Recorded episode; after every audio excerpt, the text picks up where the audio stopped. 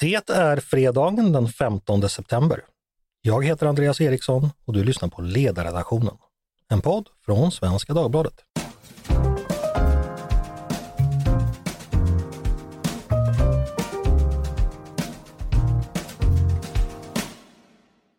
Alla har vi hört, läst eller låtit oss förtjusas av gamla folksagor.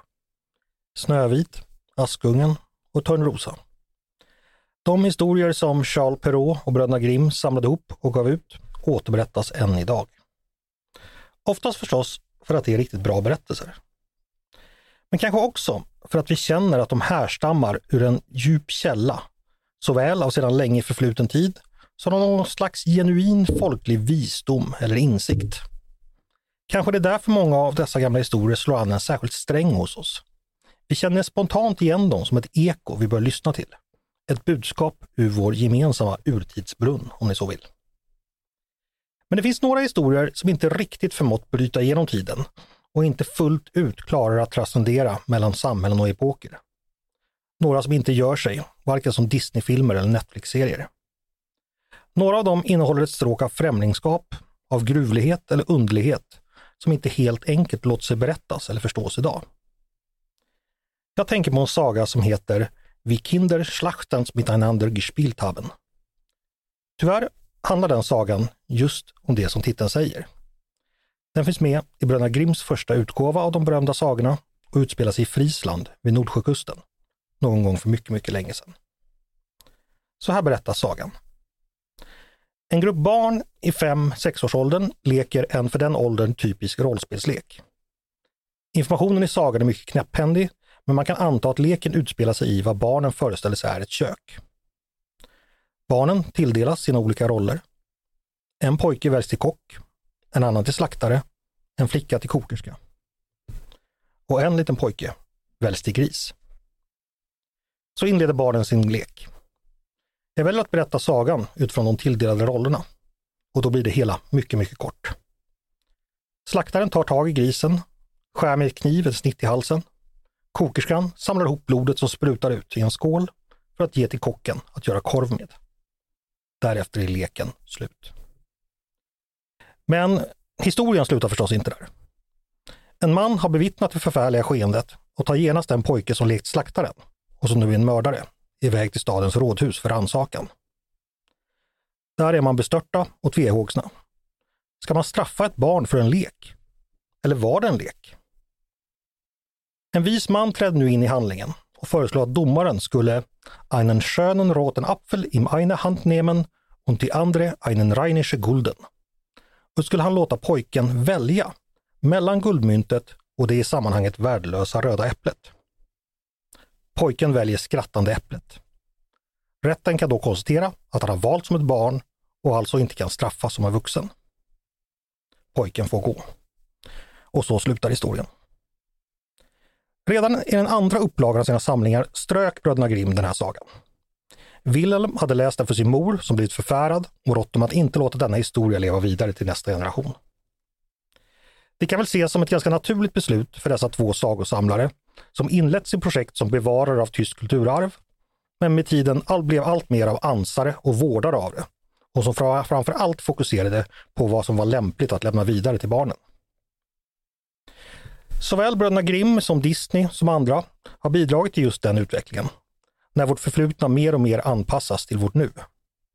Ibland utstuderat och medvetet, men oftare omedvetet och som en del i en automatiserad process. Vissa saker blir verkligen lost in translation när år och århundraden hinner passera och sedan länge döda människors villkor och verklighet förbleknar. Mycket av det som en gång var är inte längre. Historien har, som någon har sagt, blivit till legender och legender har blivit till myter.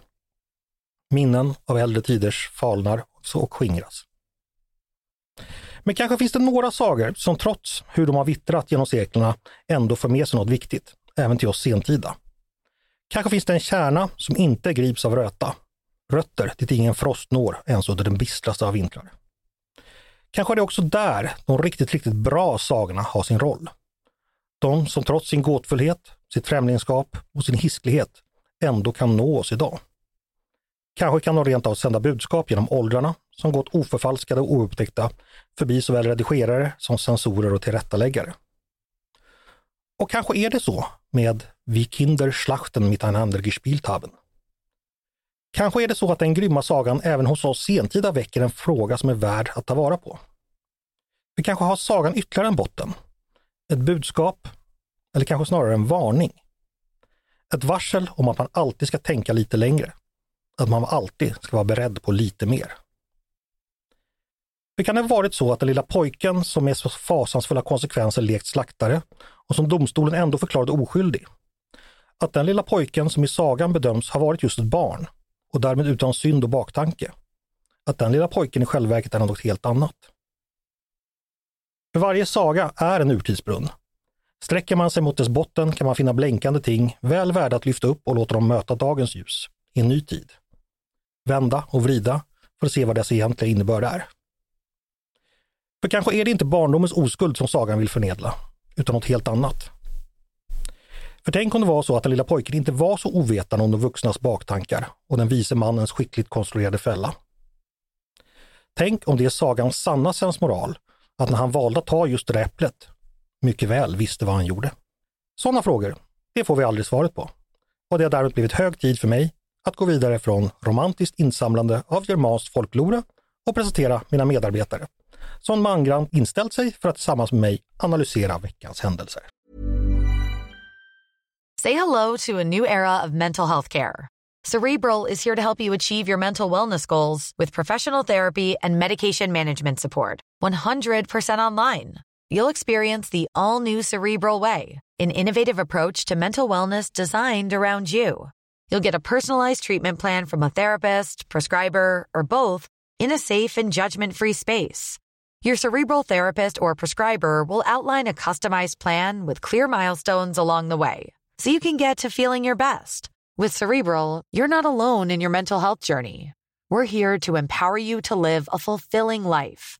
So take that first step towards a brighter future and sign up today at cerebral.com slash podcast and use code ACasts to get 15% off your first month. Offer only valid on monthly plans. Other exclusions may apply. Offer ends July 31st, 2024. See site for details.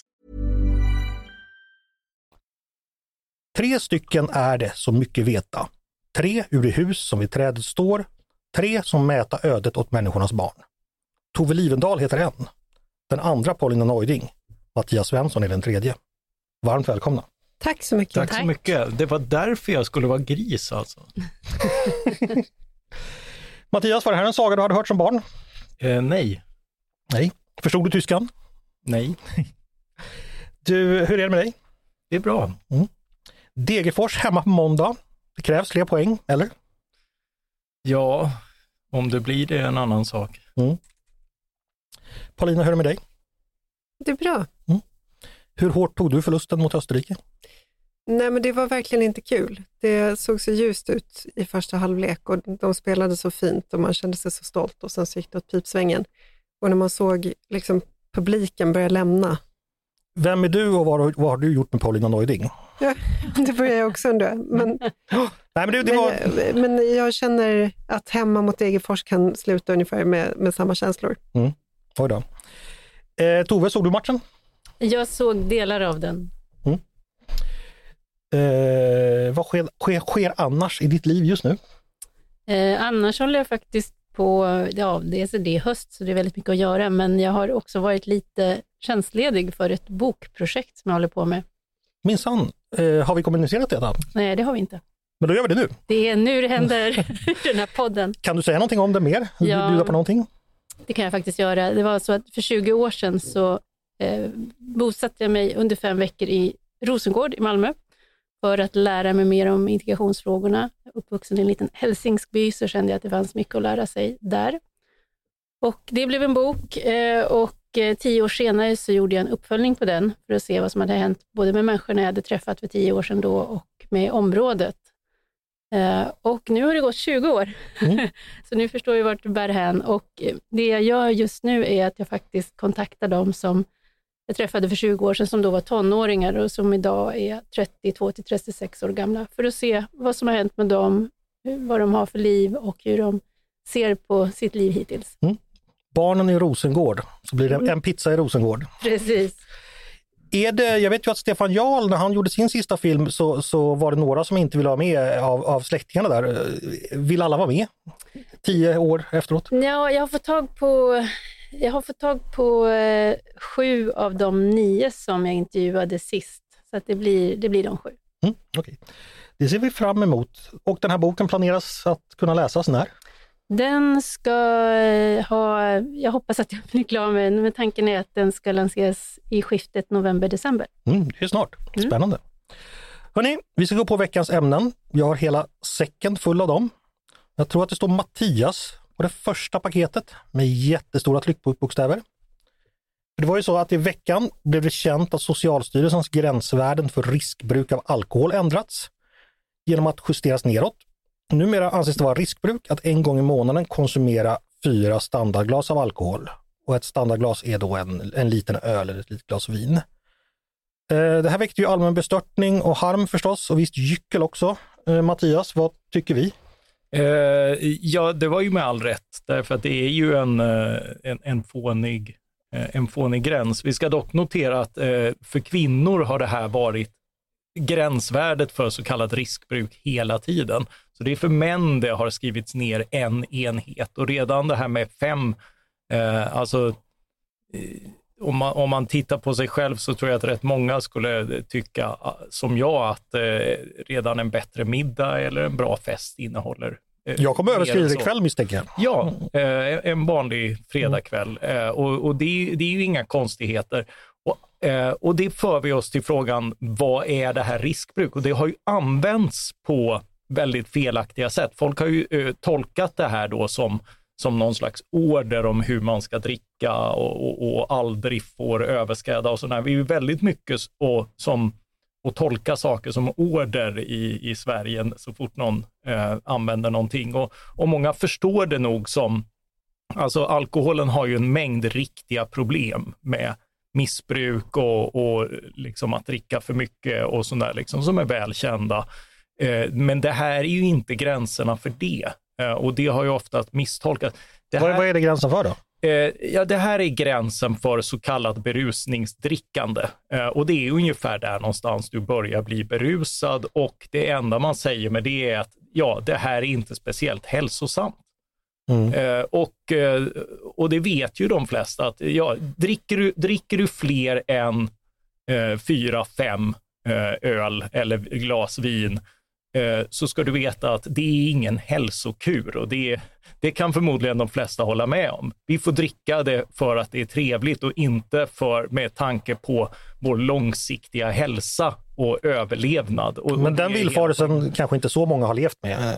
Jo, alltså grejen är ju att eh, det här begreppet riskbruk tolkas ofta som missbruk. Eh, det används genomgående av IOGT, NTO till exempel och, eh, och även från eh, eh, ja, när, när eh, Folkhälsoinstitutet, som de hette då för några år sedan, fick i uppdrag att ta reda på hur många barn det finns som... Ja, det är alltid sju miljoner har, svenska barn som lever. Ja, exakt. Och det mm. är det här begreppet riskbruk. Man mm. har helt enkelt räknat alla med riskbruk. Och det är ju fel av, av flera sätt. Dels så skrämmer man ju upp en massa föräldrar i onödan och dels så tappar man ju bort de här barnen som verkligen skulle behöva hjälp. Eh, så, plus då liksom att det rapporteras, alltså DN rapporterade då som att spritproblem i var femte familj utan att göra någon som helst rimlighetsbedömning eller någonting. Så, så begreppet riskbruk har, har vantolkats, det används av charlataner och sådär, men vad, vad Socialstyrelsen har gjort är helt enkelt att, att göra en en omviktning av väldigt små risker som handlar mer om att man har upptäckt att, eh, att alkoholkonsumtion även på måttliga nivåer Ja, det vet Det är fettbildande till exempel. Det är kopplat till vissa cancerdiagnoser med en liten överrisk som är betydelsefull på befolkningsnivå. Eh, och det kan kanske vara ett tips för den som till exempel vill gå ner i vikt eller liknande och titta över. Men, men det är den typen av risker och det, det tror jag inte, för det är lite det finstilta som, mm. eh, som kanske inte har kommunicerats fram så mycket. Men så här, är det egentligen så konstigt? För Socialstyrelsen gör ju det här som kunskapsstöd till vården, Mm. för att de, ett beslutsstöd helt enkelt. På dig låter det som, är det, så här, om ett fel har begåtts, var har det begåtts något fel någonstans? Är det Socialstyrelsen eller är det liksom vi i media som har trumpetat fram och missförstått? Vad, vad? Eh, Alltså lite både och kanske. Därför att eh, å ena sidan så har vi ju just det här med eh, att eh, ja, ja, det, det, har, det har misstolkats som någon sorts kommando för, för Mm. liksom vad, vad man får och inte får dricka och sådär. Eh, Eh, och, och det är det inte menat som, utan, utan det är möjligen en sån här första varningssignal liksom, eller något du kan se över. Men eh, det andra är ju att det är ju frågan att ska myndigheter överhuvudtaget hålla på och, och liksom uppmärksamma oss på alla sådana här små risker? Det finns stora osäkerheter i de här, i de här studierna. Det ändras fram och tillbaka. Eh, för några år sedan så, konstaterade man, eh, så, så var det väldigt populärt att konstatera hälsoeffekterna med ett lågt bruk och nu är man mer nu är man mer agnostisk därför att de sammanvägda riskerna menar en del har ändrats och andra, menar att man tvärtom för, har... för, för, berodde inte det lite på att väldigt många i grupp, kontrollgruppen totala nykterister var före detta alkoholister som hade hälso... Det, det är en sån där grej Det- som påstås, men jag är inte säker på att det stämmer. Okej, för det det en brukar, en, en, en del av studierna har korrigerat för det, men det, det är rätt uppe. När, när du bara tar och jämför gruppen som dricker med gruppen som inte dricker, så är gruppen som eh, inte dricker betydligt mer ohälsosam. Eh, men det kan vara en selektionseffekt, för det har också med personlighet att göra. Om du tittar på till exempel konsumtionsmönster för marijuana i USA, så har du samma mönster där, att de som inte brukar alls mår sämre och är mer inbundna och sådär. Medan, och sen har du på andra sidan spektrat storbrukare, de är ofta utagerande och sådär. Och i mitten har du liksom eh, folk som tenderar att, att både leva längre och vara mer hälsosam. Men det beror ju inte på konsumtion. Nej, och jag kan tänka mig att de här icke-brukarna i USA, det kan ju vara folk som helt enkelt inte haft någon polare och därför är ensamma och miserabla av andra Ja, omständigheter. ja, ja, men precis. Och, eh, och, och det är sängvätare och hela, hela köret. För man kan ta, ta ner det här till sexårsåldern och se samma mönster. För personligheterna var likadana då som man gjorde i den här Mariana-studien. Eh, Så, så det här med att, att tillmäta, det är ytterligare ett problem med just de här stora studierna och så hittar man någon riskfaktor och så just kring alkohol så finns det ju mycket av laddning och moralism. Så det finns ju de som hoppar och jublar för varje liten ökad risk och sen finns det andra som hoppar och jublar om de får sätta rubriken det här är hälsosamt. Mm. Finns det eh, en risk för att man får en kontraproduktiv effekt här, att folk uppfattar råden som så verklighetsfrånvända att man helt enkelt vänder om ryggen helt och Det hållet? tror jag absolut, därför att de, eh, de blir så orimliga om man försöker ha dem att följa. Och det är ju så med väldigt många av de här hälsoråden. De är, de, det, det rör så små risker att de är varken relevanta för, för ett liv eller, eller någonting som man egentligen gör klokt i att följa, därför att eh, om tio år så kommer man på att justera någon faktor. Jag tänker också, Socialstyrelsen måste ju veta vilken avsändare de är och vilket paket av fördomar som finns kring så att man kanske kunnat tänka över kommunikationen lite. Eh, vad säger ni andra? Paulina, jag har inte sett dig konsumera fyra standardglas sedan 2010 någon gång. Eh, har, du, har du någon tanke kring detta? Eller, ja, du gillar ju att vara moraliserande, är det här bra moralism också? Eh, nej, det är det väl inte. Alltså, det väcker ju bara löje att hålla på så här. Mm. Eh, och det är ju ett problem i sig. Alltså man, man leker med sin egen trovärdighet. Men man ska inte förlöjliga moralismen. Ja, för, förtroende kommer till fots och rider iväg till häst.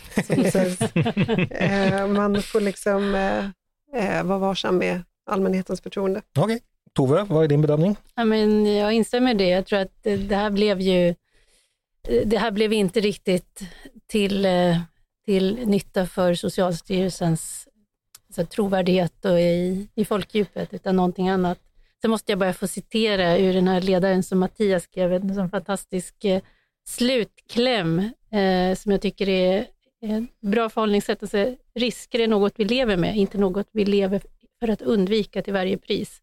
Så det tyckte jag var fint. Det var till och med en läsare som hörde av sig idag och var lycklig för den formuleringen. Åh, vad roligt. Eh, då ska vi också tacka Peter Wennblad som strök min klämkäckare slutkläm. Det Det är det han gör Peter. Ja. Eh, stort tack eh, för detta Mattias. Bakläxa eh, för Socialstyrelsen alltså.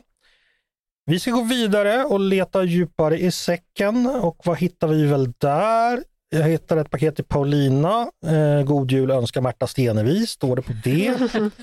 Då ska vi faktiskt lyssna på ett klipp. Märta Stenevi. Herr talman, i skolan så har vi alla läst Anne Franks dagbok.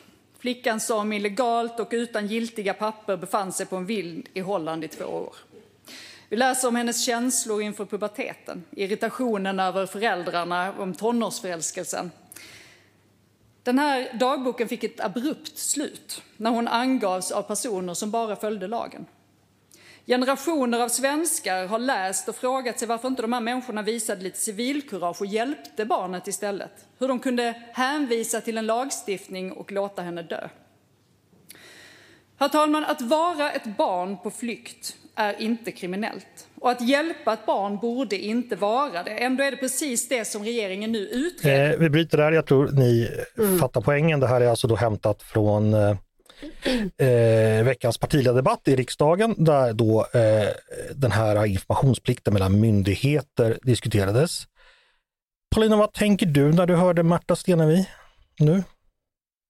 Det är så otroligt stötande hur hon väljer att formulera sig och det är inte första gången i Miljöpartiet. Eh, Åsa Romson pratade ju om Medelhavet som vår tids Auschwitz och nu gör Märta Stenevi något liknande och det är jag tycker det är bedrövligt. Det är, och, och när hon pratar om det på det här sättet så dyker det upp artiklar som liksom bildsätts med den här flickan eh, som mördades i Förintelsen och hon blir någon slags, hon blir en symbol. Hon är inte längre en människa med ett öde, utan hon blir en symbol för, för en nutida konflikt i svensk politik. Och, eh, jag vet inte om man, man behöver gå in på det överhuvudtaget, men alltså att jämföra människor som efter en prövning i, inom svensk, en, en svensk migrationsrättslig prövning fått avslag på, sina, på sin asylansökan eller som man har sagt ska utvisas ur Sverige på grund av brott. Att man pratar om att myndigheter ska kunna dela information om de här personerna. Det är inte samma sak som att man angav Anne Franks familj till nazisterna och att de sedan mördades i Förintelsen. Och det, är, Det ska man inte behöva säga, jag håller med. det ska man inte behöva säga. Och det är, jag tror inte att ehm, jag tror inte Märta Stenevi förstår vad hon säger när hon säger så, därför att hon förringar förintelsen, hon förringar nazismen. Mm. Hon, hon drar liksom ner Anne Franks minne i eh, smutsen på ett sätt som är liksom helt oacceptabelt. Eh, men väljer jag, tror, att jag, tror att hon gör någonting an- jag tror att hon tror att hon gör någonting annat. Okej, eh, du väljer ändå att ge henne så mycket, så att säga, du, du, du tror inte hon förstår hur illa det här är helt enkelt. Jag känner inte henne, jag vet inte, men jag har, ho- hon borde, nu när hon har uppmärksammats på det här, så borde hon faktiskt be om ursäkt. Mm. Ryan Reynolds here from Mint Mobile. With the price of just about everything going up during inflation, we thought we'd bring our prices down. So to help us, we brought in a reverse auctioneer, which is apparently a thing. Mint Mobile unlimited premium wireless. Ready to get 30, 30, bit to get 30, bit to get 20, 20, 20, bit to get 20, 20, bit to get 15, 15, 15, 15 just 15 bucks a month. So, Give it a try at mintmobile.com slash switch. $45 upfront for three months plus taxes and fees. Promo for new customers for limited time. Unlimited more than 40 gigabytes per month. Slows. Full terms at mintmobile.com. För som du säger så är det inte första gången eh, Miljöpartiet gör något liknande. Vi ska kort eh, lyssna på ett, på ett annat klipp från 2016. Då är det Åsa Romson som dåvarande språkrör som pratar. Det är fler som flyr än, än någonsin sedan andra världskriget. Vi håller på att i Europa bild, göra Medelhavet till det nya Auschwitz. Eh, det här var då från 2016 och det är ett uttalande som, det ska sägas, Åsa Romson fick kritik då för det och hon medgav också efteråt att det inte var genomtänkt. Nu har vi ändå, det är två exempel. Det finns andra exempel på nazismen dras in i politisk dagsdebatt i Sverige. Det finns väldigt, väldigt många Det exempel. görs ju systematiskt. Det görs systematiskt, Mm. ja, det får man ju säga. Eh, med en vårdslöshet, Mm. antar jag att du tycker, eller det, mm, Ja, och, och jag menar, det, så, det, det här sättet man pratar om brunhöger, eh, de brun, blåbruna partierna och så vidare. Det, det är bara liksom ett retoriskt grepp, det betyder ingenting. Och det betyder ju att man förringar nazismen och förringar vad det innebar att vara brun. Antingen så är de så pass historielösa att de inte vet eller så bryr de sig inte eller så förstår de inte att de, att de ägnar sig åt ett relativiserande Mm. av den här ondskan. Tove, Paulina säger att Miljöpartiet och andra som ägnar sig åt den här retoriken eh, relativiserar och förringar ondska. Håller du med? Ja, det, det blir ju i alla fall effekten av det. Sen eh, gissar jag att intentionen är, är liksom, ja, men det finns ingen anledning att ifrågasätta att folk inte på något sätt har samhällets bästa och sådär. Men det här Du är är- också välvillig alltså? Jo, det är jag, men sen, blir, sen är det klart att de, jag tror att man fattar att det här blir ett bra slagträ. Liksom. Det här är, det är ingen som kan liksom argumentera emot det här. Det är liksom, man tar till det värsta man vet. Och det, är- det är väl liksom, och eftersom man tycker att man har goda syften så tänker man nog att helga målen, en, eller medlen, mål, målet, nej, helgar, nej. Medlen. Målet helgar Ja, medlen. just det. Ja, okej. Det, jag tror att det är det det handlar om, men eh, det blir ju väldigt ogenomtänkt och det blir, det blir eh, att, ja, det blir respektlöst. Vad får det för konsekvenser, Paulina? Mer än att ja, vi, vi kan konstatera att det är dumt, men kan det få några konsekvenser också? Ja, alltså, jag tror att man ska minnas nazismens brott. Jag tror att det är viktigt. Jag tror att de flesta är överens om att det är viktigt att minnas det här och förstå vad det innebär och innebar. Och inte förringa eller relativisera det här som ett sätt att vinna poänger i en debatt här och nu. Mm. Eh, Det tror jag att de flesta fattar att man inte ska göra. Och det är framförallt, så, eller framförallt dessutom, så är det eh, det är respektlöst gentemot offer och efterlevande att hålla på på det här sättet. Tove? Sen har det ju också, med tanke på att vi inledde med en saga, den här gamla folksagan om, om eh, att ropa varg, tänker jag på, gör ju också att om man tar till de här orden, i det här läget så har man liksom inga ord kvar om det dyker upp, ja, De tog ju till det här ordet redan när någon ville diskutera invandringens storlek Ja. 2013. Så Ja. att, Mm, ja, visst. Och det, det, det gör ju... Och det enda det leder till är att det blir en... Det, det, det det blir, blir att eliterna, för det är ofta där det förekommer, framställer sig som ja, mer upptagna med att liksom gräla med varandra än att försöka titta på hur saker och ting ser ut och göra någonting åt det. Mattias, om jag känner dig rätt, du brukar inte tycka att man ska hänga upp sig allt för mycket på retorik och ändå man ska tåla en hel del. Vad tänker du om den här retoriken? Eh, nej men, eh, den här retoriken är ju groteskt överdriven och det finns väldigt många Fast det är ju mycket politisk retorik som är uppblåst och Jo, överdriven. Oh, oh, ja, oh ja, och man ska ju också komma ihåg att jämföra är inte att jämställa. Eh, så det bör, bör finnas en väldigt stor välvillighet. Men när vi vet att något används som ett retoriskt grepp så måste man ju få svara retoriskt också och fråga, alltså, vad, vad, men, vad menar du med det här och konfrontera med det? Och, och, och det blir ju just för att in, alltså glömmer vi bort det här, om det blir något oberörtbart som, som ingen någonsin får jämföra med någonting, i, då, då förfelas det ju också. Och jag tycker att det finns en retorik från andra sidan att eh, att liksom så fort man nämner något om 30-talet, om stämningar som var nazismens framväxt eh, och, och de eh, uttryck det tog sig, eh, det, då låtsas man plötsligt att man tar det hela vägen till förintelsen och så blir det liksom eh, så fruktansvärt att det Fast det gjorde man ju i det här fallet. oerhört. Jo, exakt, men det finns ju många andra fall. Liksom, att, att säga att något är, är brunt eller fascistiskt eller, eller liksom har en liknande retorik, eh, det är ju någonting kvalitativt annorlunda. Men det här används slentrianmässigt hela tiden. På ett, eh, eh, låt mig bara ta upp ett exempel. David Wallace Wells eh, eh skrev Den obeboeliga planeten, utgiven på Bonniers, hyllad över kultursverige för han är en sån här klimatalarmist.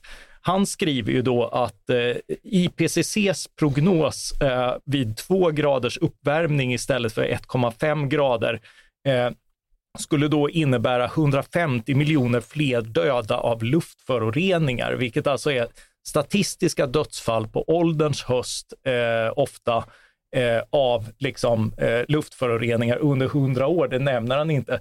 Det skriver han motsvarar nazisternas förintelse 25 gånger om.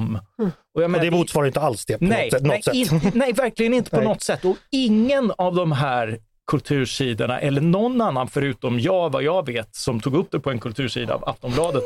Eh, ingen av de andra har tagit upp, synat det här, att man kommer undan med den typen av fullkomligt skamlös retorik. Eh, och, eh, att, eh, ty, tycker jag är groteskt. Så jag är glad att det synas i det här fallet, därför att det är inte så vi ska vårda minnet av förintelsen. Men jag tycker ändå du säger så här, eh, 30-tal men med måtta Ja. i, i din linje. Det låter lite som en utmaning mot Paulina, eller känner du det där, att Mattias säger lite emot dig? Det är okej att säga brun ibland. Halvbrunt. Ljusbrunt. Ja, jag vet inte hur jag ska liksom förklara det här, men jag tycker man ska vara varsam med orden. Mm. Eh, och när det kommer till det här som Märta Stenevi sa i riksdagen, när hon drar upp minnet av en verklig människa som råkade ut för det här hemska och vars inre liv vi har fått unik tillgång till genom den här dagboken som hennes familj har i efterhand sagt ska publiceras. Eh, man är varsam med det. Man håller inte på på det där sättet. Man gör inte henne till en symbol. Man gör inte tidningsartiklar, eller man, man säger inte saker som sen renderar tidningsartiklar där det säger Åh, här är Anne Frank och här är Jimmie Åkesson och här är Märta alltså, det, det handlar också om att visa respekt för eh, offer för det här folkmordet. Mm. Ja, det finns väl inte så mycket mer att säga om det, men om det är så att ni av det här har blivit mer nyfikna på Märta Stenevi så kan man lyssna på en podd från tidigare i veckan. Då pratar vi förstås inte om det här, men vi pratar om eh, Miljöpartiets inre liv och eh, Märta Stenevis roll som språkrör. Den sände vi i måndags tror jag det var. Nej, det var i onsdags, 13 september, meddelar producenten. Då jag hade besök av Magda Rasmusson och Klara Lidman. Eh, det kan man prata om, eller det kan man lyssna på om man vill. Hörni, eh, då är det dags att gå vidare. Och då ska vi ta, gå till Tove som vill prata kungen, som ju just idag firar 50 år på tronen. Tove, vad vill du säga till och om kungen? Ja, precis. Jag hoppas att han har annat att göra den här helgen än att lyssna på vår podd faktiskt. Men nej, jag tycker att det är en, eh, en fin dag, värd att fira. Jag tycker att eh, monarkin tjänar Sverige väl på det sätt som vi har utformat den. Och eh, inte minst i tider som de här som är oroliga så tycker jag att det känns väldigt bra att ha en enande symbol, ett kungahus som har starkt stöd hos svenska folket och som kan vara en ja, samlande, enande symbol. Så att jag tycker att det är en väldigt bra dag. Så du fann anledning att göra ett monarkistiskt utspel helt enkelt? Absolut. Du, eh, 1973, det är alltså 50 år sedan, helt annan tid. Det är bara Mattias här som upplevde den. Mattias, hur var det på gamla kungens tid? Ja, det, det har jag svårt att eh, minnas någonting ifrån. Det tror jag inte att jag har några minnen ifrån. Men jag hade ju förväntat mig att du skulle fira dagen genom att vara klädd i full gala och uppvakta på Tullgarn. kan Johansson köra dit Min- kanske? Ja, min yttre uppenbarelse kanske inte riktigt företer dessa kännetecken. Hörni, eh, vilka har träffat kungen här förresten? Tove, du måste träffa kungen. Ja, det har jag gjort. Ja. Första gången var faktiskt 1991 och det var i Sydkorea. Jaha, minsann. På eh, i Montserrat eh, i, det är en nationalpark och där var jag på en sån här stor scoutjambori som Sydkorea faktiskt stod värd för i år också. I år med ganska stora sanitära problem, men då var det frid och fröjd och eh, kungen är ju gammal scout, så han var där och var hedersgäst och förorsakade ganska mycket ja, eh, besvär för värdarna som hade förberett just en, en kunglig övernattning, men han ville ju bo i tält. Mm, Så de fick liksom styra om det där. Men det finns faktiskt en bild som jag har när vår lilla trupp ifrån Bollnäs står och poserar med kungen. Vad häftigt. Mattias, har du träffat kungen? Jag har blivit jagad av Drottningholms eh, kungliga, Såklart du har. kungliga vakter beväpnade. eh, Men Vad hade du gjort för dumheter då? Nej, jag hade inte. Vi, eh, vi tyckte synd om en kille som stod i sin kur en, en solig dag och skrek vägra värnplikt Men och då började de jaga oss. Ja, det hoppas jag verkligen de gjorde. Eh, Paulina, du var ju på slottet en gång och dansade med Carl Philip. Men så slog klockan 12 och vagnen blev till pumpa och du blev en vanlig flicka från Täby igen. Mm. Ett grymt minne. Någonting mer att berätta om detta? Nej, nej det, det är nog det enda. Det kommer i eh, memoarerna. Men vet vi någonting om, eh, vad heter kungen Tove? Vet du det? Vil- Vilket nummer har han? Åh, Ja, det Lina, där, det där var ofint. jag hade faktiskt sparat det skämtet till, till senare, men vi kan ta det redan nu, för då kan Tove passa Han blev på. förstås rasande. Eh, Karl den 16 Gustav eh, Mm. blandas ihop ibland med, med, med sin anfader och första, f- första representanten för, för, för sin ett och dynasti, Karl den 14. Eh, till och med av Svenska Dagbladets ledarsida ibland. Ja, det är genant. Det är tre uppmärksamma läsare som har hört av sig apropå vår lilla gratulationspuff idag och eh, därför så finns en, en ödmjuk rättelse i morgondagens tidning som jag just har lagt in. Vi är inte britter kan man komma fram till utifrån dig. Precis. Eh, vi ska gå vidare och då har det blivit dags för mitt favoritmoment, det som heter veckans hemläxa. Det var ju så att vi fick en läsarfråga från Charlotte förra veckan då hon efterlyste konkreta politiska förslag från oss i form av lågt hängande frihetsreformer. Vi lekte snurra flaskan och den landade på konsekvens och konsekvensen var att Mattias eh, skulle då gå hem och eh, helt enkelt eh, bestämma sig för tre stycken sådana. Så Mattias, nu är det dags för läxförhör. Välkommen fram till svarta tavlan och redogör. Tre stycken frihetsfrågor som kan genomföras här och nu. Låt höra. Mm. Eh, ja, vi borde ju förstås legalisera alla droger med tanke på hur illa det går i det företeende drogkriget. Eh, förbudet sjunger förhoppningsvis på sin sista eh, dag, men eh, det är ju en bit bort. Det bör omedelbart in i den utredning som finns så att man i alla fall tittar på förslag hur det skulle gå till. Vad man omedelbart kan göra är att legalförskriva en tung drog som heroin som man gör i exempelvis Schweiz. Då skulle man få bort människor som är fast i ett missbruk från att göda gängen, för det är ju liksom de, de, de mest lojala kunderna. Det är ett förslag. Eh, sen eh, det är många förslag. Nej, tre, tre, tre var ja, det. ja, jag vet, så eh, jag har fått välja. Men avskaffa den lagstadgade etikprövningen för humaniora och samhällsvetenskap, därför att den har ställt till väldigt mycket oreda, svårigheter, kränkande rättsprocesser, eh, byråkrati och annat på forskningsområdet. Det är helt enkelt inte värt det. Nu ska man titta på det och sådär, men jag tycker att man kan avskaffa det omedelbart och se, är det någonting man saknar så, eh, så kan man ju införa det igen. Och nummer tre.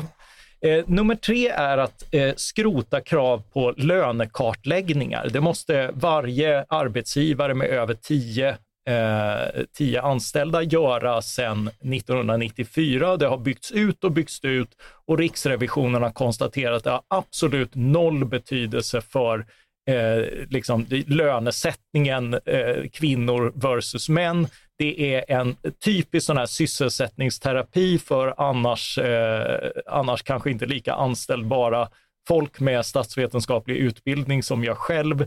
Eh, det, det, det är typiskt de här byråkratiska lagren som fylls på när de borde tas bort. Mycket bra. Charlotte, där fick du tre stycken. Eh, fritt heroin. Ja, och regeringen. Fr- Fritt heroin, bort med, med lönekartläggning och avskaffa etikprövningen. Mycket bra. Då går vi vidare och då har det blivit dags för ytterligare en redovisning. Tove, du har haft ett lunchsamtal med Lena Andersson. Vad Ja, pratade det ni om? Absolut, vi hade ett eh, eh, lunchevent på Playhouse Teater i veckan. Jag hade ju tänkt att jag skulle göra reklam för det, men så fort vi la ut det så blev det slutsålt. Så det Som var... alltid med Lena. Jo, men det är faktiskt så. Men eh, hon fick, eh, vi, vi pratade om hennes nya bok Mm. som släpps nu eh, och som Spännande. heter Studie i mänskligt beteende. Och det här är ju via någonting som heter SvD Accent. Mm. Eh, vad är det för någonting? Man kan säga en kundklubb för SVDs prenumeranter. Mm, där eh, ordnas event och säljs också ja, lite konst och det ordnas resor och sådana där saker. Just det. Eh, tågresor till coronaland Nej, Italien. det är Dagens Nyheters eh, affärsidé. Coronatåg, ja. Nej, precis. Men då, då passar vi på att helt enkelt, om man är prenumerant så, så är man medlem där och då får man möjlighet att gå på sådana lunchföreläsningar. Ja, men det var jättekul. Det var, dels är det en briljant bok som jag verkligen rekommenderar till läsning och eh, det var roligt att samtala på scen. Hörni, jag går vidare i min lilla, uh, vad, vad sa jag, säck här. Nästa paket i lådan skriker också Paulina. Eh, det är nämligen så att SVT den här veckan sänder en dokumentärserie som heter Transkriget. Jag har själv lyckats undgå den, men så här beskriver man den. Transvården har blivit ett av vår tids mest omdebatterade frågor. Där en sida menar att vården räddar liv, menar andra att den löser upp gränserna mellan könen och riskerar att ge livslånga skador. Transvården av barn har hamnat i fokus då antalet diagnoser av könsdysfori ökar lavinartat och landets kliniker har fler inskrivna barn än någonsin. På vilka grunder bedrivs transvården idag? Och tänk om de ansvariga har fel. Eh, Paulina, har du hunnit kika på den här? Eh, ja, jag har skrivit en text om den och eh, i korthet kan man väl säga att Sverige har ju, det har ju skett en tillnyktring i synen på transbehandling av barn. Ehm, Tidigare så var det så att föräldrar riskerade orosanmälan om de motsatte sig den här typen av ingrepp. Eh, eller ja, att barnen började ta den här typen av hormonpreparat som vi pratar om. Eh, det, så är det inte längre och nu har Socialstyrelsen också sagt förra året att det här ska bara ske i undantagsfall. Mm. Och ändå är det då ungefär 200 barn som står på årsförskrivning av de här hormonpreparaten. Och skälet till att jag säger preparat och inte medicin, och det är lite citationstecken kring behandling och vård också, därför att det är inte alls säkert att barn blir hjälpta av det här. Det här är mycket tyder på att det här är utslag av en ideologi bland vuxna eh, som just nu påverkar väldigt många barn. Vad är det som tyder på det? Eh, jag kommer in på det, men vi, och vi har varit med om det här förut. Vi var med om det förut med de apatiska barnen, där barn for väldigt, väldigt illa och det var svårt att eh, protestera och säga, tänk om det inte är så här. Vi såg det med de ensamkommande barnen, när man liksom kunde se att många av de här inte var barn, utan de var vuxna och ändå bodde på hem med barn med katastrofala konsekvenser. Eh, och Det var svårt att prata om det. Och någonting motsvarande händer här, därför att vi har plötsligt fått en uppfattning om att eh, allt fler barn kommer och säger, jag är inte flicka, jag är pojke. Eller jag är inte pojke, jag är flicka. Och då säger vi, jaså lilla vän, då du kanske född i fel kropp. Kom här så ska du få hormoner. Och de här hormonerna, när man väl ställts på dem, så finns det mycket som tyder på att det leder vidare mot mer hormoner, kirurgi, livslångt beroende av, de här, av olika eh, mediciner, smärtor, eh, ja, kastrering, allt det där. Hela, hela det paketet. Alla väljer ju inte att gå den vägen. Men det här är alltså, vi vet inte ens om vi är rätt ute. Det, det är ett enormt experiment Eh, och det finns inte alls tillräckligt med underlag, därför att det här är så pass nytt också. Vi vet inte, den som kanske är glad fem år efter det här ingreppet, kanske 50 år efter det här ingreppet inte alls tycker att det här var en bra idé. Så vi vet inte. Eh, och det, det, vi, det vi kan veta, det är att det verkligen är så för en liten grupp patienter, så är det så att eh, det finns en genom livet starkt bestående känsla av att man är född i fel kropp. Men det vi ser nu, det är att en patientgrupp som knappt har funnits förut, det är tjejer i puberteten som mår pyton därför att de är i puberteten och sen eh, går ut på nätet och läser, men jag kanske är en, tjej, en man i en tjejs kropp. Och sen påbörjar den här långa, långa vandringen genom, genom de här så kallade medicinska behandlingarna, när det egentligen är frågan om att man mår pyton därför att man är i puberteten. Mm, jag, jag och de här den. tjejerna råkar väldigt illa ut och det är en skandal Mm. av historiska mått. Eh, jag förstår hur du menar där. Nu är det ju så att det här är ett ämne där jag tycker man ska vara väldigt noggrann. Du sa ju att mycket pekade på att det här var en ideologi bland vuxna. Mm. Vad är det som pekar på det? Eh, Jag förstår att vi inte kan veta, och mycket kunskap saknas, men du säger ändå att det finns, det lät som det fanns, du hade belägg för att det var bland vuxna ideologin fanns. Jo, alltså därför att eh, ett barn konstaterar, jag mår pyton. Varför mår jag pyton? Jo, då finns det den här idén om att du kanske är född i fel kropp. Eh, det, det, finns egentligen mycket lite belägg för att så pass många människor skulle vara födda i fel kropp. Det är mer liksom en ideologisk föreställning om att det skulle vara på det sättet.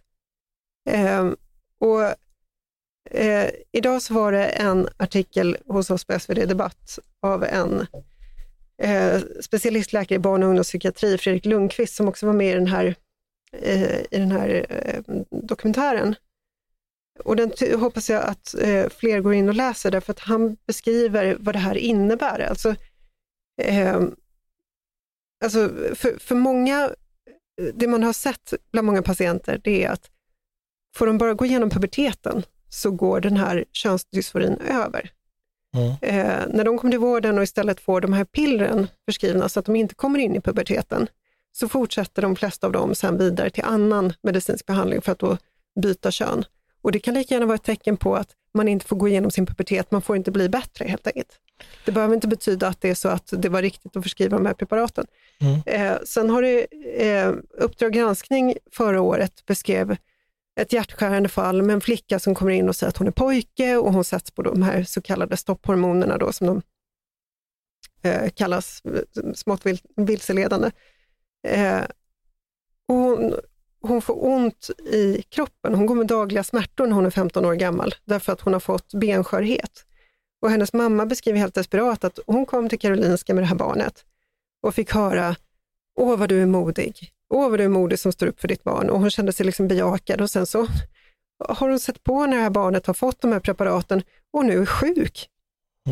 Eh, alltså, det, det, är liksom, det, det finns ingenting, vi vet inte tillräckligt mycket om det här för att kunna säga, ja men det här barnet var född i fel kropp.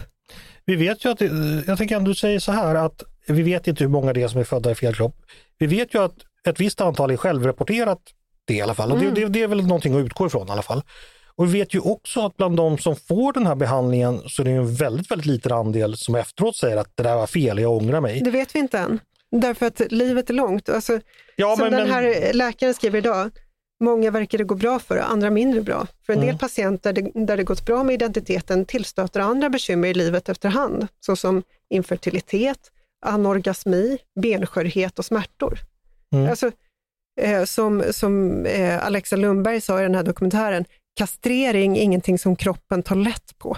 Nej, det, det är någonting som är med en människa hela livet och livet är långt. Mm. Alltså, jag, säga, jag kan inte särskilt mycket om den här saken, jag har inga bestämda uppfattningar, men jag tycker ändå det är lite konstigt att ni som är kritiska mot det här inte mer högre värderar ändå att det är folk som vill det här, de vill det före behandlingen och de vill det också efter behandlingen. När man har gjort metastudier så har det visat sig att det är någon procent som ångrar sig. Och då Och det har, vet vi inte än, Nej, det vet inte. därför att det är för kort. Men jag ska ge dig ett exempel. Mm. Eh, en tjej i England som har stämt den här Tavistock Clinic, som är den ledande kliniken inom det här i London. Eh, hon växer upp i ett hem med en pappa som inte är närvarande, en mamma som är alkoholiserad, hon är mobbad i skolan, hon känner sig konstig. Hon kommer in i puberteten, hon tänker, ja men jag kanske är en pojke i en flickas kropp. När man är en tjej i puberteten som har så kan man mycket väl få för sig sådana saker. Det är helt, eh, helt givet. Och hon påbörjar behandling, hon blir operer, opererar bort brösten och så vidare. Och sen så inser hon att det var inte det här som var, som var grejen. Och, nu, och det här går inte att reversera. Nu är hon, hon kommer uppfattas som ett mellanting mellan man och kvinna.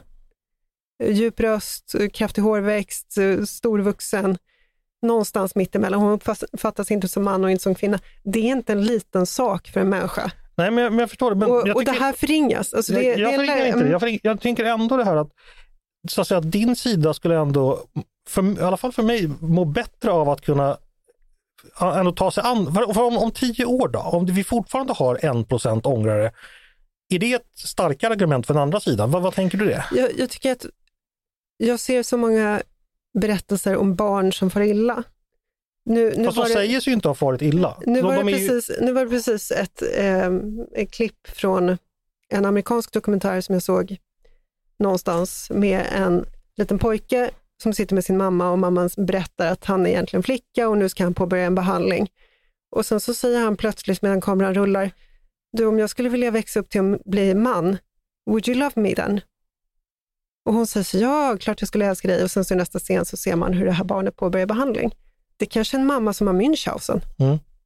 Jo, jo, men jag, men jag förstår. Alltså, men, men, och, och liksom, och utkämpa någon slags kulturkrig på barns kroppar på det sättet. Det är, historien kommer straffa oss för det här. men jag vidhåller ändå att man ändå ska fråga individerna vad de själva Fråga individen när individen är vuxen. Ja, Okej, men då, då får vi Mm. se och- helt enkelt. Eh, Mattias, det här är ju ett delikat ämne. Vad tänker du? Nu blev det lite diskussion mellan mig och Paulina men vad landar du när, eh, i de här avvägningarna? Jag är inte läkare. Alltså, Eh, jag tycker det är väldigt svårt att som, som lekman göra den här typen av bedömningar åt människor. Både, eh, både liksom irreversibla behandlingar, men också att vägra behandling åt någon som behöver det. Alltså båda är ju monstruösa. Uh, och båda har ju väldigt stora konsekvenser. Vi stoppar dig lite där, för, för det är ändå ett argument mot som Paulina kan... Ja, men det här med att inte vara läkare, det här är intressant därför att ibland så behövs det en journalist. Därför att oh ja. vi har sett det här förut med de apatiska barnen och så vidare. Frågorna så ska definitivt ställas. Uh, sen så finns den här boken som heter, uh, av en kvinna som heter Schreier, jag glömmer vad hon heter i förnamn, uh, som, som heter Irreversibel skada på svenska. Och hon har kunnat visa hur autistiska tjejer framför allt, mm. plötsligt hittar, därför att de driver runt online, hittar ett skäl till att de mår dåligt i det här.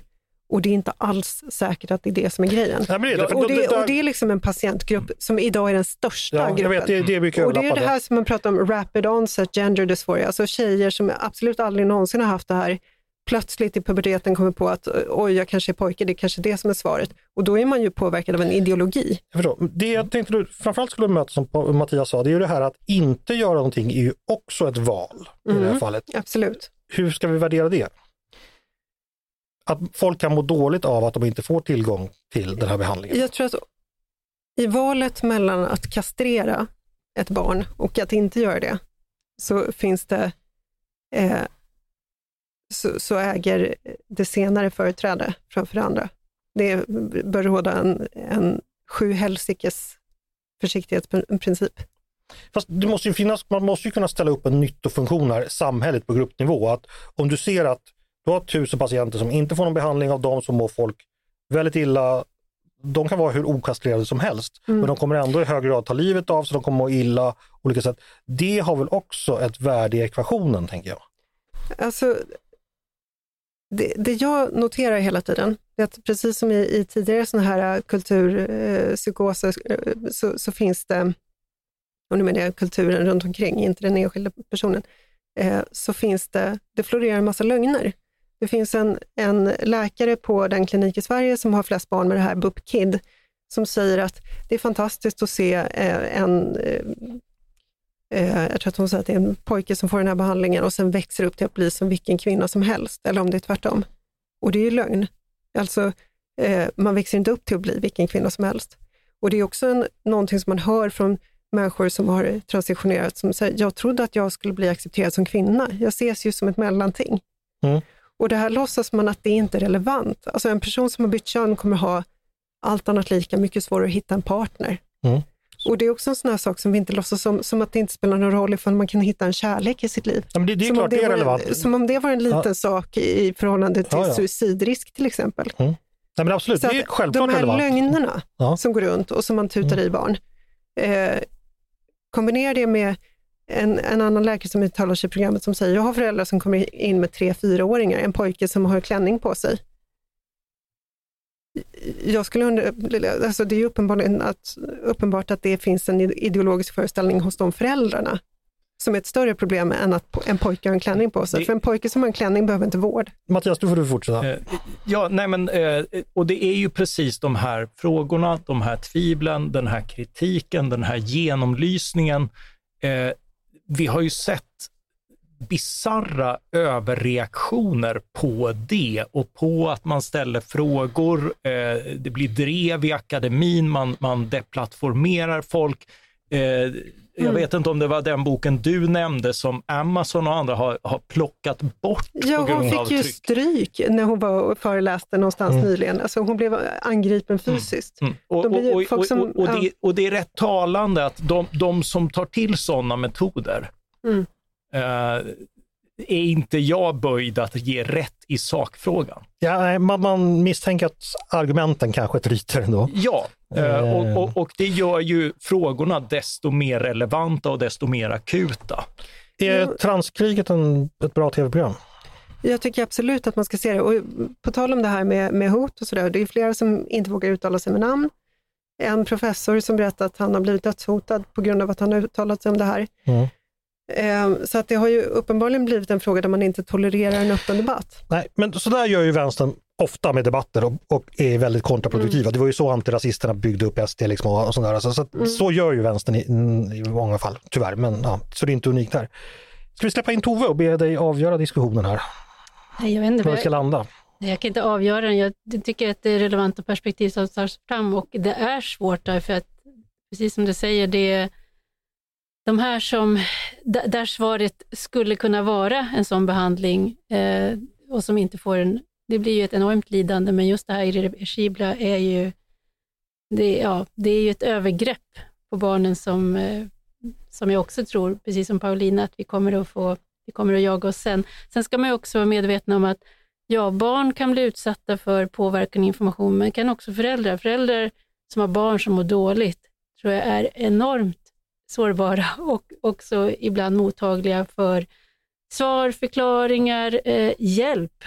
Ja, vem, vem skulle inte gripa efter Exakt. varje halmstrå Och där så finns det också där starka, ja, många som vill erbjuda den förklaringen, så kan det också vara så att det finns föräldrar som, som i sin desperation också är mer mottagliga för en förklaring som Och, och det gör det ju än fel. viktigare att, att sjukvården är den auktoritet i, Ja. i både val av behandlingar och, och, och i screening innan man gör sådana här behandlingar som, som man har rätt att förvänta sig. Och titta på familjesituationen också. Mm. Mm. Ehm, Men generellt så, en idé som liksom har blivit väldigt spridd plötsligt, att det är tolerant och fint att säga att, att kön är någonting flytande. Och det är liksom inte sant för människan som art. Vi är inte en hermafroditisk varelse. Det finns enstaka, det händer ibland att människor är, ja, som, som vi sa, att man upp, verkligen upplever att man är född i fel kropp. Men för de allra flesta så är det binärt, man är man eller kvinna och det är relevanta kategorier. Eh, men om man håller på att säga till barnen att det inte är så, du kan välja och vad känner du dig som idag? Det är klart att man sår ett frö till förvirring och eh, man kan göra människor väldigt olyckliga. Ska vi gå vidare? Det tycker jag. Ska vi titta på det sista paketet i septembersäcken? Det står Tove på det. Då blir det mörkare toner. Tove, du håller på att skriva din söndagstext nu va? Ja, det stämmer. Och då vet jag att den kommer handla om din hemstad Uppsala och de våldsdåd som har skett där under de senaste veckorna. Två ihjälskjutna bara den här veckan, eh, varav en får betecknas med det förfärliga ordet felskjutning som vi tydligen ska lära oss nu. Vad vill du säga om detta? Ja, det, är- det är väl det som är det svåra. Ibland så blir det de här texterna där man, där, där, där så att säga läget kräver att vi skriver någonting och, och tankarna är uppfyllda av det och känslorna lika så, men det är svårt att hitta den där eh, stadiga att göra-listan eller att landa i det här peppiga, det här ordnar sig nog därför att det är ett mörker. Och eh, det har ju, ja, det går inte många dagar utan att det kommer nyhetsflashar och nu har det varit var och varannan dag. Och det här har ju, det är en konflikt som, som påverkar hela landet. Just nu har det, det är som epicentrum i Uppsala, Stockholm. Mm. Så det, det, är, det är dystert och vi, alla de här, ut, eh, så här de, de besked vi har fått tidigare, till exempel av, av rikspolischefen, att det kommer att ta flera år att bara vända trenden. Det är ju så här det ser ut i realiteten. Vad innebär en sån utsaga? Jo, det innebär att det kommer att dö en massa människor innan vi kommer att kunna börja se att det går ner i statistiken och det känns tryggare igen. Och eh, det blir ju... Eh, det var en vän som hörde av sig häromdagen från Sydafrika och som sa att ja, men jag har läst hur det ser ut liksom, hos er nu, jag vill bara kolla hur är det med er, liksom, hur, hur känner ni er och så. Och så. Ja, det, är en, det, är en, det är en kompis från Sverige, men han bor i Sydafrika, men han håller koll. Och det är ju bara så att man får tillstå att jo, man tänker på det. Man tänker på det eh, och säger att Nej, men jag kör dig till träningen istället för att du tar cykeln. Och det är ju en sån typ av frihetsinskränkning som är självpåtagen, men eh, som känns ändå fullt rimlig i läget. Mm. Det var ju så att i, i veckan, eller om det var förra veckan, så hittades ju en 13-årig pojke mördad i Haninge. Eh, min son fyllde 12 förra veckan. Eh, det känns, kan man säga. Eh, det kom fram på Flashback faktiskt innan nyheten kom ut i media och det var någon som hade sett fyndet där och sa att det var en lätt bår när de hämtade kroppen. 13 år gammal. Ja, det, Det är väldigt svårt att ta in och det är Ja, väldigt men- svårt att förhålla sig till känner jag. Det är Eh, det. Jag, jag vet inte vart, vad vi ska göra. Nej, och den här 60-åriga eh, kvinnan som var det, det första offret i den här omgången då som eh, tycks vara mamma till en i det här nätverket Foxtrot. Eh, gärningsmännen där som har nu häktats är ju 15 respektive 19 år. Och den här 15-åringen, det uppges då att det här ska vara ett sätt för honom att betala av en skuld som han har pressats på. Mm. Och, den, och det är ju det är här, det är, det är en lika djup tragedi. Alltså, I det här fallet, det är Ja. två liv som har gått... Som Att tvinga en gått till spillo. 15-åring att mörda. Alltså. Exakt. Ja, det, är- ja, det är sånt mörker. Eh, finns det, ja, det är en politisk podd, vi ska liksom inte sitta och hänga läpp och börja gråta. Vad är det politiska läxorna vi har framför oss här? Ja, ja, läxorna är ju, dels är det det, eh, någonstans så finns det ju en, en, en, en sån här evig läxa att vi måste, när vi fattar politiska beslut, så måste vi, det räcker inte bara med att avkräva politikerna utfästelser om deras intentioner eller försäkringar om deras goda intentioner, utan man måste kräva på liksom, konsekvensanalyser och och det, och det spelar ingen roll om det handlar om migration, som i det här fallet har en stor inverkan på situationen som vi har kommit i, eller om det handlar om när riksdagen klubbar igenom klimatpolitiska mål.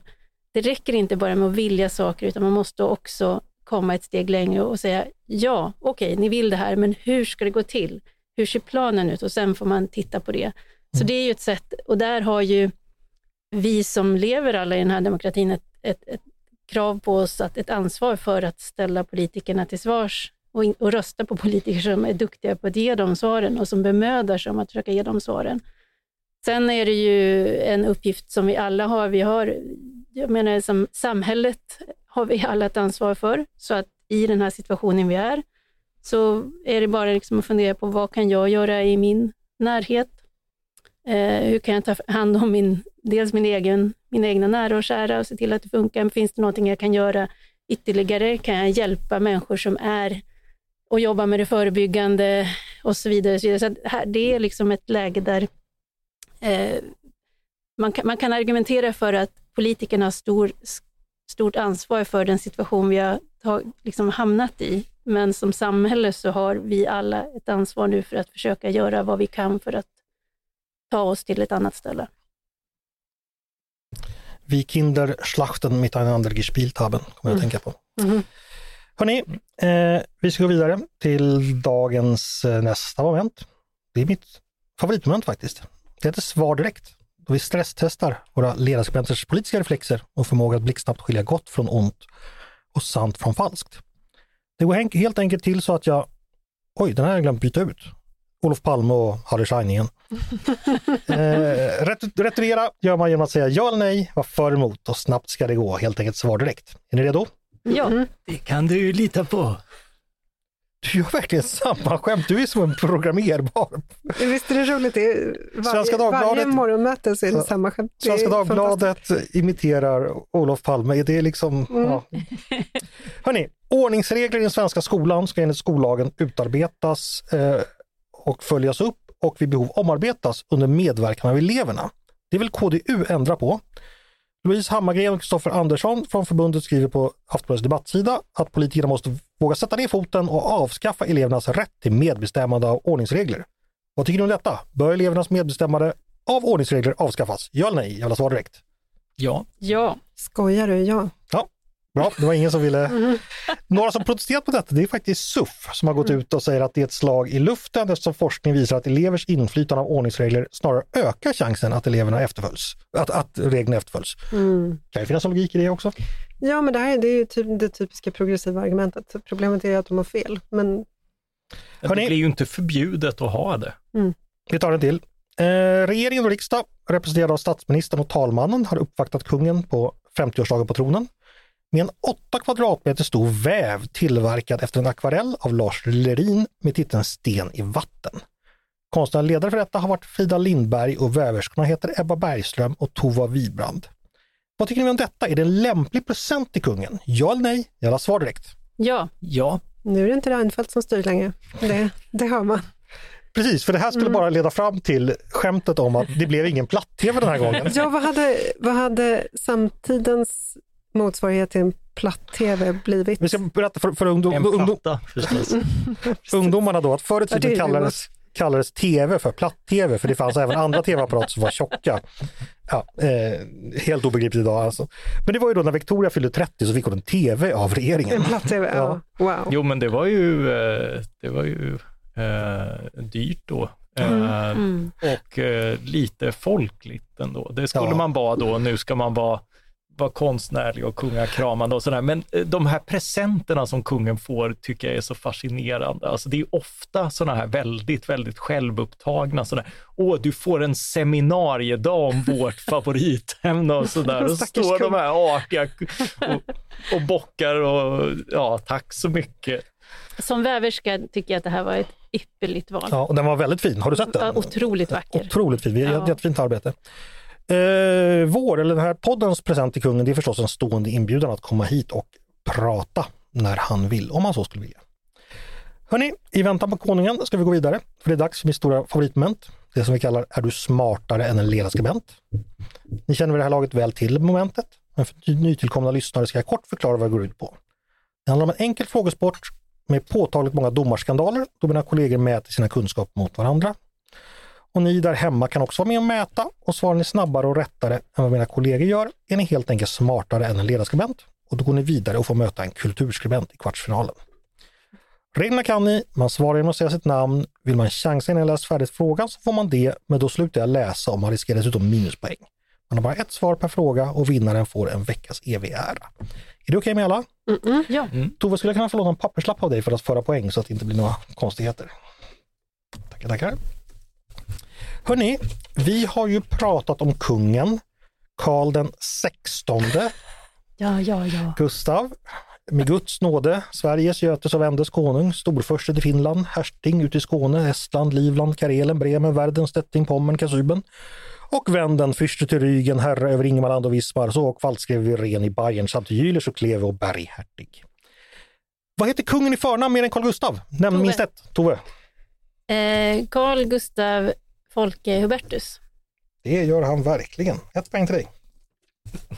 Det här är riggat. Hur många statsministrar har varit regeringschefer samtidigt som kungen har varit statschef? Nu räkna. Paulina, det här måste gå att räkna ut. Ja, du får svara nu. Nej men vadå, hinner man inte tänka och räkna? Du skulle ha tänkt innan du sa Paulina. Nej men eh, 73 till... eh, Nej, 73 är alldeles för många.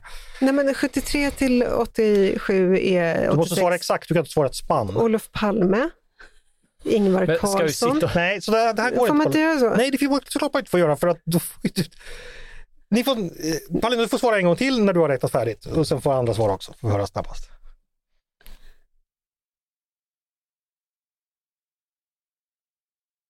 Mattias ser så fundersam ut just nu. Paulina har fingrar uppe. Det där kommer till upp. Mattias, Mattias? 12. Fel. Har Mattias inte svarat mer. Paulina, Paulina? 11. Det är också fel Paulina. Var det Tove? Eh,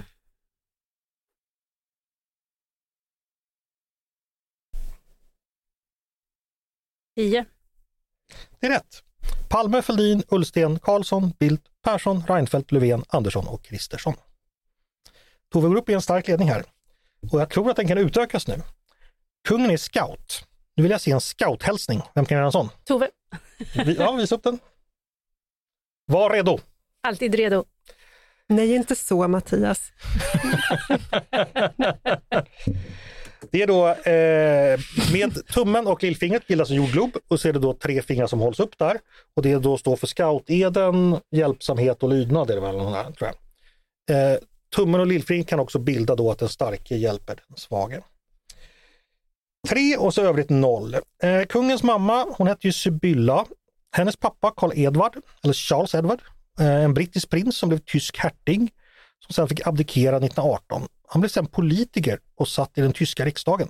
För vilket parti?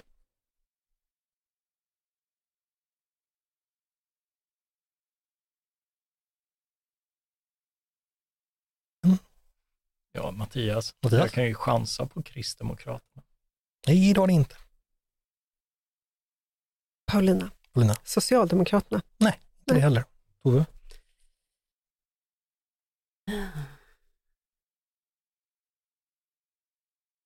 Nej, det var ingen som kunde. NSDAP ifall det är bekant. Oj, Hörni, ja, men just det, det är det som har varit sån... Det fick vi ju inte säga. Alltså. 1989 väckte kungen viss uppmärksamhet i broderlandet efter att ha uttalat sig om statsminister Gro Harlem Brundtland. Vad gällde saken? 1989. Paulina, Lina? sälarna. Det handlar om sälar. Mm. Att, eh, Klubbsälarna. Precis, de små sälungarna blev klubbade då Mm. och det blev väckte stor uppmärksamhet. Numera försöker man väl skjuta bort så mycket säl man, man kan även i Sverige.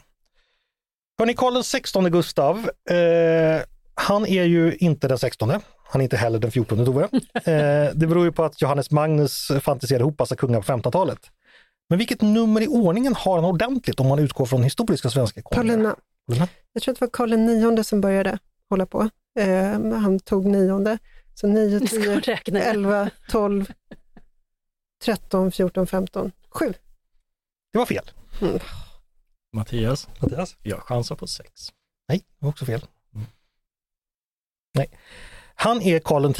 Det hade nämligen funnits två Karlar innan Karl IX. Okej. Eh, Karl Sverkersson då, i Sverkersrätten på 1200-talet och sen Karl Knutsson Bonde som till och med var kung tre gånger. Men Karl IX hittade på sin nia. Ja, precis. Han skulle ju vara Karl III egentligen. Eller han hittade inte på att det var Johannes Magnus, Sveriges sista ärkebiskop, som eh, sista, sista katolska ärkebiskop som fick fly till Rom och där satt han så och skrev en historia om, om eh, Gesta Svionum Goturum Rexum sådär. Alltså, Mm. och, eh, Så en halv poäng till mig då, eller? Nej, han, han hittade på väldigt mycket i alla fall. Johannes Magnus bror, eh, eh, Olaus Magnus är ju för övrigt en berömd geograf eh, Mm. också. Men någon av dessa. En sista kungafråga. Eh, med 50 år på tronen är han den regenten som har suttit längst. Vem är tvåa? Paulina. Paulina? Margareta. Nej, hon satt inte så länge. Alltså i Sverige. Jaha, men jag trodde du menade i världen. Nej, då hade nog någon annan vunnit tror jag.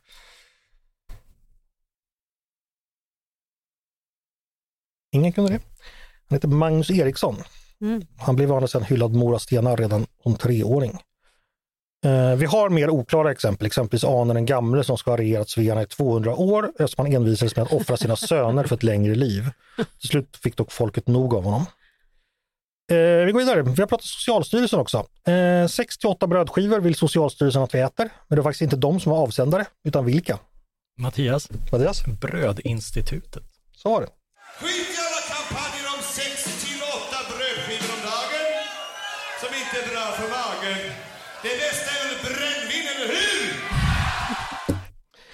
Idag är det exakt 15 år sedan som en amerikansk investmentbank lämnade in sin kon- konkursansökan varpå den svenska vänstern omedelbart utlyser den globala kapitalismens fall. Vad heter banken? Paulina. Lehman Brothers. Upp på två poäng, snyggt. Idag för 433 år sedan valdes Urban den sjunde till påve. Tyvärr dog han efter bara 12 dagar, vilket innebär att han slog rekord som den påve som regerat- kortast tid. Vad heter en påves ämbetstid med ett lite finare ord?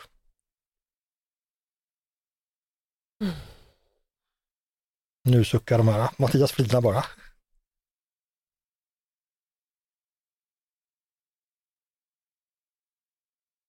Jag, jag tror ni har hört det här ordet. Mm. Klart vi har. Svaret är pontifikat. Ja. Mm. Idag är, ex- idag är det exakt 33 år sedan TV4 startade sina sändningar. Så nu ska vi kolla era kunskaper om TV4. Mattias ler, men glöm Tre Kronor Mattias. Vad hette det program som Staffan Ling ledde på 90-talet där svenska städer tävlade mot varandra? Mattias, Mattias? heter den Stadskampen? Klart den gjorde. 1996 hade en komediserie premiär som var en översatt version av den amerikanska tv-serien Three's Company. Vad hette den svenska versionen där bland annat Göran Gillinger och Björn Gustafsson spelade två av rollerna? Mattias, Ja. en fyra för tre. De verkligen. Just. Kan vi inte ta mer scoutfrågor? Kalla fakta är en riktig långkörare i TV4. Vad heter programmets första programledare? Mattias, Mattias? Jan Scherman. Nej, Han ledde, det var inte han som ledde det första programmet. Paulina. Mm? Nej. Men, äh, Lydia Capoliccio. Nej, eh, han hette Jan Guillou. Hörni, eh, vi har också pratat Märta Stenevi. Vilken ministerpost innehade hon? Det var två stycken, så det räcker att säga en. Mattias. Mattias? Eh, och vad var hon? Det var antingen, jag tror hon var miljöminister. Nej, det var hon inte.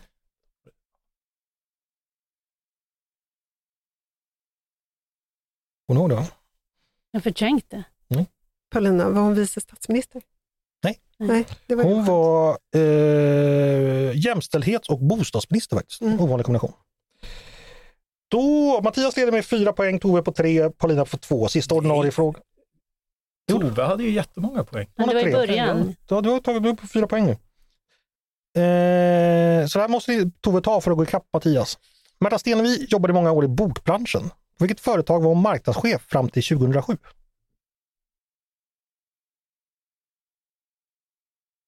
Paulina. Paulina? Norstedts.